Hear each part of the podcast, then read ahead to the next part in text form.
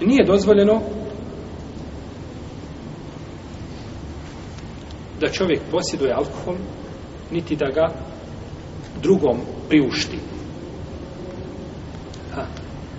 Čovjek je dostoji na ulici, kaže, živ bio, gdje ima ovdje trgovine da prodaju pivo?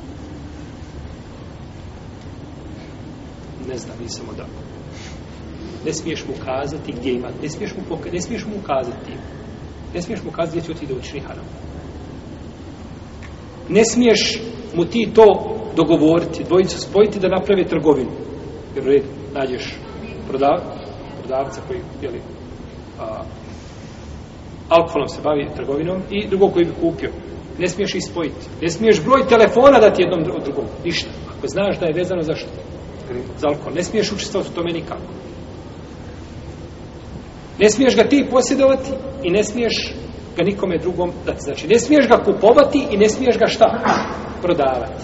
Ne smiješ, kupovati, ne smiješ biti tu nikakav posljednik, ne smiješ time ništa imati. Mene je skoro neko me nazvao. Braće je pitao me, tako on kaže, ima dvojica.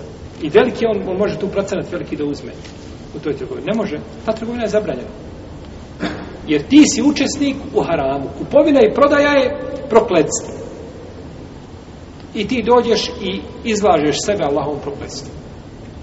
A čovjek što više zna, u toliko je veća mogućnost da bude proklet. Jer onaj ko ne zna, neće svakako imati opravdanje, no međutim, onaj ko zna, on još manje ima opravdanje za ono što čini. Kaže poslanik sallallahu sallam u hadisku, koga bližava muslimi nesaji, imame darimi,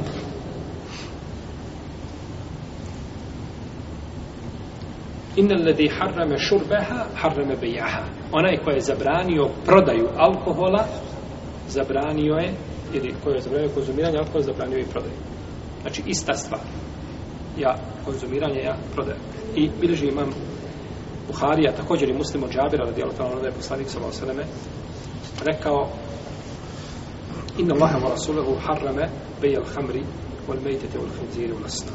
Kaže Allah, njegov poslanik su zabranili prodaju a, alkohola i strvine i svinja i kipova.